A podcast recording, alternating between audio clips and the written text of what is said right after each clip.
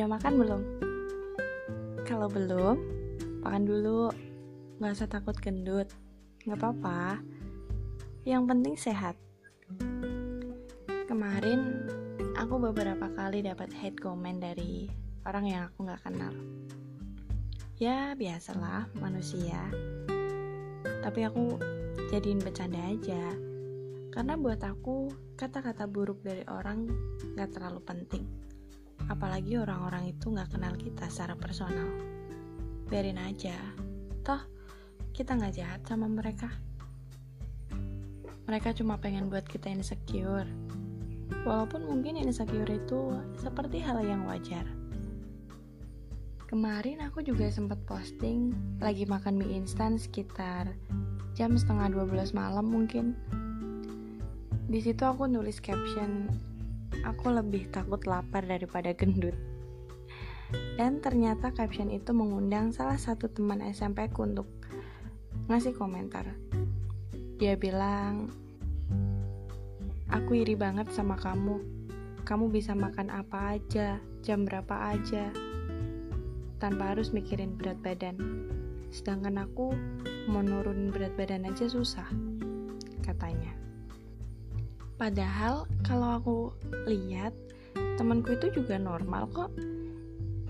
Dia nggak sebegitu gendut seperti apa yang dia pikirkan.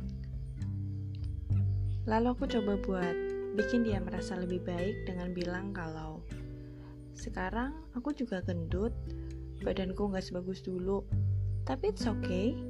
I'm proud of myself.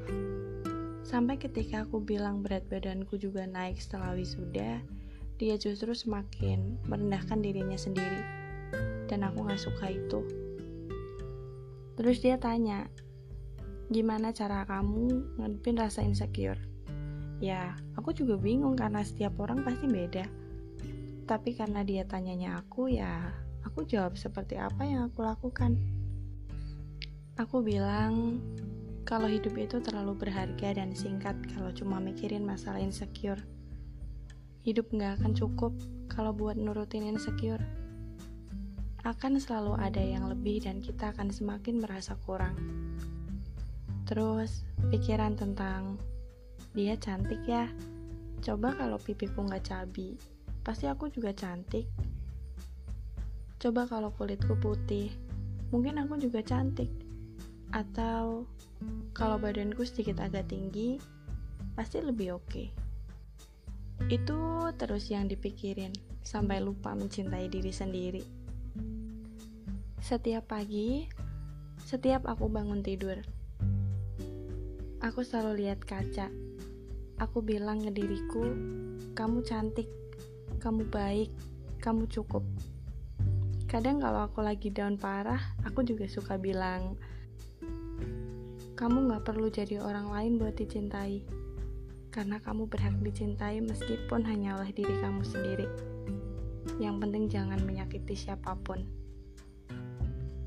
Aku juga bilang ke dia kalau aku pernah ada di masa di mana aku takut gendut. Aku takut nanti bajuku jadi nggak muat lagi.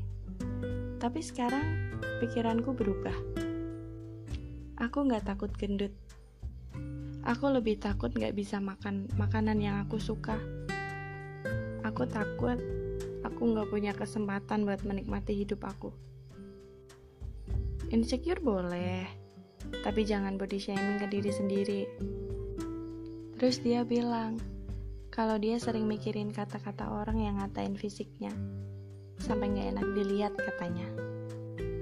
Sedih banget, padahal hidup kita lebih berharga dari omongan mereka kita jadi seperti tokoh utama yang gak punya kendali atas diri sendiri.